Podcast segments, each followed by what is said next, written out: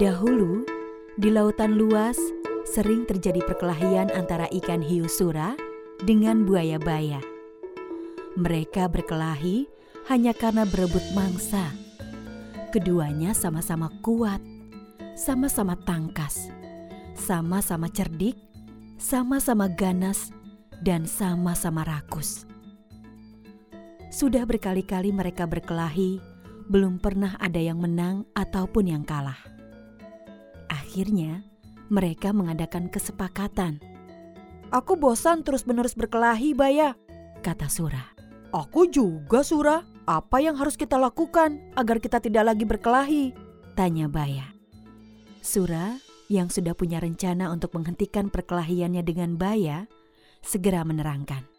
Untuk mencegah perkelahian di antara kita, sebaiknya kita membagi daerah kekuasaan menjadi dua.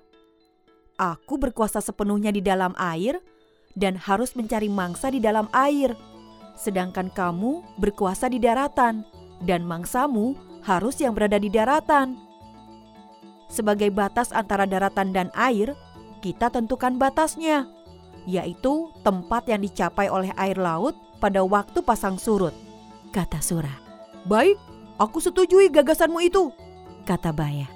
Dengan adanya pembagian wilayah kekuasaan, maka tidak ada lagi perkelahian antara Sura dan Baya. Keduanya telah sepakat untuk menghormati wilayah masing-masing. Tetapi pada suatu hari, Sura mencari mangsa di sungai. Hal ini dilakukan dengan sembunyi-sembunyi agar Baya tidak mengetahui. Mula-mula hal ini memang tidak ketahuan. Tetapi pada suatu hari, Baya memergoki perbuatan Sura ini. Tentu saja, Baya sangat marah melihat Sura melanggar janjinya. Hai Sura, Mengapa kamu melanggar peraturan yang telah kita sepakati berdua? Mengapa kamu berani memasuki sungai yang merupakan wilayah kekuasaanku? Tanya Baya. Sura yang merasa tak bersalah, tenang-tenang saja. Aku melanggar kesepakatan. Bukankah sungai ini berair? Bukankah aku sudah bilang bahwa aku adalah penguasa di air? Nah, sungai ini kan ada airnya jadi juga termasuk daerah kekuasaanku. Kata Sura. Apa? Sungai itu kan tempatnya di darat, sedang daerah kekuasaanmu ada di laut. Berarti sungai itu adalah daerah kekuasaanku. Baya ngotot. Tidak bisa, aku kan tidak pernah bilang kalau di air itu hanya air laut, tetapi juga air sungai. Jawab Sura. Kau sengaja mencari gara-gara, Sura? Tidak, Kukira alasanku cukup kuat dan aku memang di pihak yang benar, kata Sura. Kau sengaja mengakaliku. Aku tidak sebodoh yang kau kira, kata Baya mulai marah. Aku tidak peduli kau bodoh atau pintar. Yang penting air sungai dan air laut adalah kekuasaanku. Sura tak mau kalah. Karena tidak ada yang mau mengalah, maka pertempuran sengit antara ikan hiu Sura dan buaya Baya terjadi lagi. Pertarungan kali ini semakin seru dan dahsyat. Saling menerjang dan menerkam, saling menggigit dan memukul. Dalam waktu sekejap, air di sekitarnya menjadi merah oleh darah yang keluar dari luka-luka kedua binatang tersebut.